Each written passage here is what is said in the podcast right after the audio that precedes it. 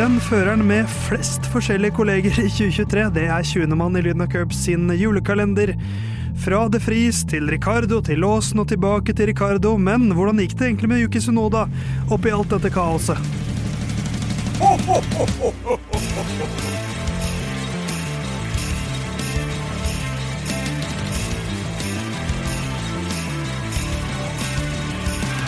«2-0 til desember. Det er 20. desember. Du hører på Lina Curbs sin 20. luke i vår andre julekalender. Det er Yuki Sunoda som er dagens mann.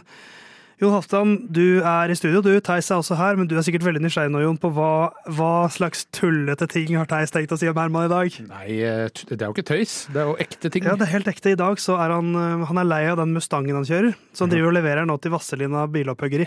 Ja, ikke sant? Eh, og etter det så skal han ut og drikke brus med bruspulverguttene. Ja. Hva skal han kjøre i stedet? og prøve å sjekke opp Inga Toppen. Eh, hva han skal kjøre isteden? En Tesla.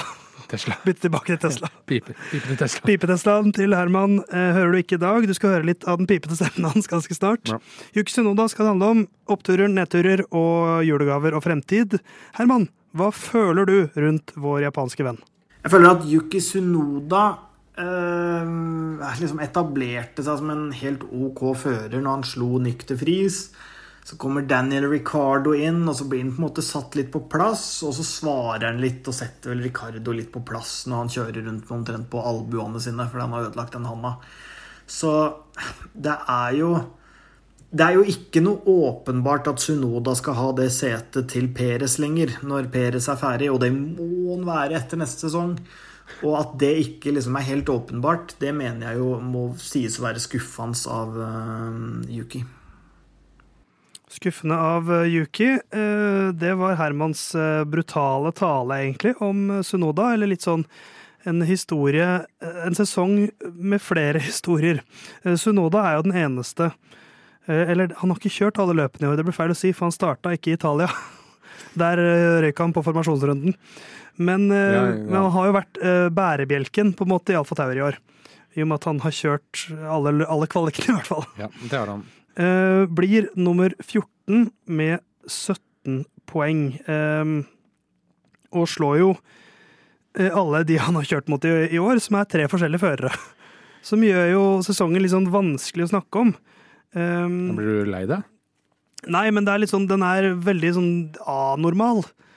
Uh, men jeg har lyst til å begynne med uh, det som er negativt, eller noe av det mer negative som jeg vil trekke fram i år. Mhm. Eh, mer enn at For ja, sånn som da Liam Lawson kommer inn, så blir han slått av låsen i alle løpene bort fra ett. Men igjen, det handler litt om at der hadde han en DNS, en DNF, det var litt forskjellige greier. Uh, men Ja, for det, for det er jo det poengmessig, så vinner jo låsen. Ja, per, per eh, ja, ja, altså i, ja, i de løpene de kjører Ja, sammen. De fe- kjører sammen fem løp. Men, og det er litt det som går igjen hos meg for Sunoda sin del, er at han, han er for lett påvirkelig mentalt. Hva drives han egentlig av? Mm. Er det lysten til å vinne, eller er det lysten av å ikke bli slått av lagkompisen sin? Og så lenge han er bedre lagkompisen sin, så driter han litt i hvem han slår ellers. Jeg, jeg syns liksom han For han slår De Frys ganske greit, og da kjører han jo bra i starten med mye ellevteplasser og sånt, men uten at det er sånn ellevilt. Eh, Ricardo kommer inn, og det er først da han liksom Jeg har blitt litt skuffa over Sunoda i år. Ja, Um, hvis um, For bunnpunktet for meg er at dette kanskje er blitt tydeligere og tydeligere som et sete som er fylt av japanske uh, Yuki Sunoda, eller Sunoda Yuki, da, som de egentlig sier der borte, uh, fordi Honda har en tilknytning til Red Bull fram til ut 2025. Så, så um, jeg, jeg liker egentlig Sunoda. Jeg kunne ønske han gjorde det bedre. Jeg har lyst til at han skal step up the game. At han skal se litt ut som den nye Verstappen, fordi det hadde vært litt gøy med en uh, japansk fører uh, Kuomi uh, Nå husker jeg ikke navnet. Kobayashi. Kobayashi. Han gjorde det jo bra i uh, McLaren, iallfall. Uh, og uh, Sunoda ser ikke helt der ut. Det så- ikke så pent ut i Ungarn. Eh, Det var Ricardo sitt comeback. Eh, Ja, da, så, da så det helt forferdelig ut. og men så- der er jo Ricardo foran ham i både kvalik og løpet. Og så kom han tilbake igjen i Belgia. Han, fordi det er litt, som du sier, eh, at han er mer redd for Han er sånn der noen kolleger, kanskje, eller i hvert fall studiekamerater man har hatt, som er eh, som bevegelsessensorer. Lys er bare på så lenge noen går forbi. Ja, eller, eller som eh, tredjeparten var i Lyden av Curbs. Ja. Eh, eh, som er her bare når han vil, da. Nei, men også litt sånn eh, Vi jobber når vi, vi, jobb, vi jobber Altså, eh, Herman er veldig opptatt av å ikke bli slått på æresgrunnlag ofte. Ja. Og det er litt det jeg føler med Sunoda. At OK, Ricardo slår meg, shit, jeg kan ikke la det skje igjen. Da, det er jo skam. ja, jeg vet ikke om han er så opptatt av skam, for ellers hadde han snakka mye penere på radio. Ja, for så vidt sant. Men uh, Jeg har jo vært borti Japan, jeg vet du, Theis. Jeg vet Ja, hvordan kulturen er. Uh, Tokyo, som du kaller det. Takk. Men uansett hvordan vi vrir og vender på det, Yuki Sunoda slår jo Ricardo. Han slår det fris. Han slår også Liam Lawson. Uh, og det skal sies han var ganske uheldig i de løpene de kjørte sammen.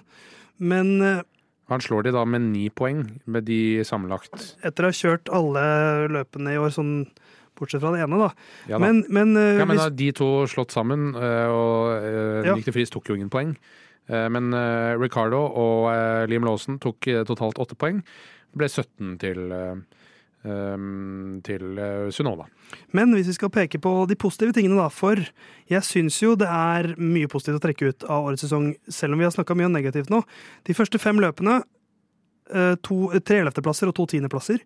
Der er han der han skal være i en Alfa. Eh, fortsetter litt sånn vaklende etter det. Og så vil jeg også si avslutninga av sesongen hans. Eh, det han gjør i eh, Brasil og i Abu Dhabi spesielt, der kjører han knallbra. Ja, men det er vel Eh, og blir driver of the day. Ja. Var det i siste løpet, var det ikke det? Jo, men han avslutta da med en ellevteplass forrige sesong også. Uh, og så det er den rekka han fortsatte på starten av denne sesongen. Ja. Uh, det, Det var en du, rekord med ellevteplasser der. du var opptatt av det, Theis, uh, fram til 15.-plassen i Monaco. Um, altså høydepunktet Han tar litt poeng på slutten, altså. Og han, han skjerper seg jo når det blir konkurranse. Jeg kunne bare ønske at han skjerpa seg litt mer. Han, han er sånn komfortfyr. Altså han, det, for meg så fremstår det som han har ikke lyst til å pushe 100% for det er litt slitsomt. Ja. Ja, ja, at, vet du hva, det, du er nok kanskje inne på noe der. At um, hvis han er avhengig av at konkurranseinstinktet han trigger såpass at han glemmer de kjipe delene. Ja. Eh, han og da er han god. Hvis han hadde blitt para med Verstappen, da, Ja. tror vi eh, at eh, han hadde skjerpa seg nok til å ta kampen bedre enn Perez? Eh, ja, det tror jeg. Og, og det tror jeg litt fordi at jeg, jeg tror han, måten han er skrudd sammen på, gjør at han hadde ikke gått på en sånn smell. Nei, det tror ikke jeg heller. Han er liksom, jeg, jeg føler han er litt immun mot en sånn type Herregud, jeg er ikke god nok smell. For jeg tror heller han vil ha, få en sånn Jeg må bare jobbe hardere. Men, men kan han ikke bli litt som eh, vår tredjemann, eh, som eh, når tippekonkurransen går dårlig, så bare gir han fullstendig beng? Jo, jo, men hvis det går bra fra start Ja, men uh, idet han har en mekanisk DNF, da, så er det ok, da er det ikke noe vits. Da gidder jeg ikke mer. Bare si de riktige tingene i øret hans. Nei, men det, det er jo Ja, han er jo en sånn jojo-fyr opp og ned. Um, men jeg syns jo spesielt Sao Paulo og Abu Dhabi-løpene hans viser at Og der er han jo mye bedre enn Ricardo. Ja. Uh, viser at det bor mye i han. At han er ikke bare i den bilen pga. passet hans, men også fordi han kan kjøre bil. Men uh, I Men Paulo så var vel Ricardo litt uheldig òg, var det ikke det? det kan godt tenkes, men jeg, men jeg syns uansett at han kjørte veldig bra der, uh, uavhengig av hva Ricardo gjorde. Mm. Så vet jeg ikke om jeg ser han i Red Bull noen gang. Eh, da skal mye skje, tror jeg. Men eh, Ja, da, da må han ha en kjempesesong neste år. Ja. For jeg tror som sagt eh, tidligere i julekalenderen at Peres kjører ut neste sesong i hvert fall. Um, og så er det litt den som leverer best, tror jeg kanskje, neste år, som tar det mm, derfra. Ja, kanskje. Vi får se. Um, julegave, da. Fra um, Yuki Sunoda. Er det, noe, er det noe fint under treet fra din venn Ja. Yuki? Eh, en eh, sånn eh, tønne med sake som skal åpnes på nyttår. Ikke sant. Det, eh, du ramla i saketønna da du var liten, du, Jon. Nei, ikke da jeg var liten, men eh, for en måneds tid eller to siden.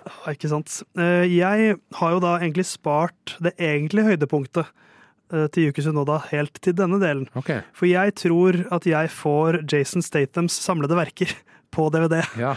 Eh, For det var jo egentlig Yuki Sunodas høydepunkt i år, var da han møtte Jason Statham i Abu Dhabi.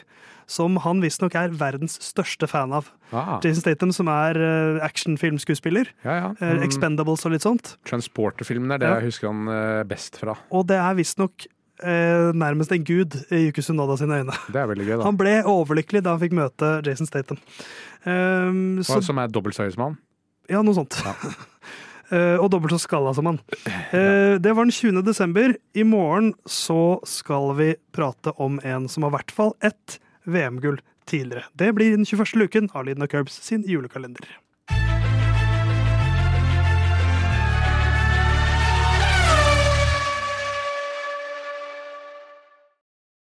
Good luck this weekend, Stroll. Thanks.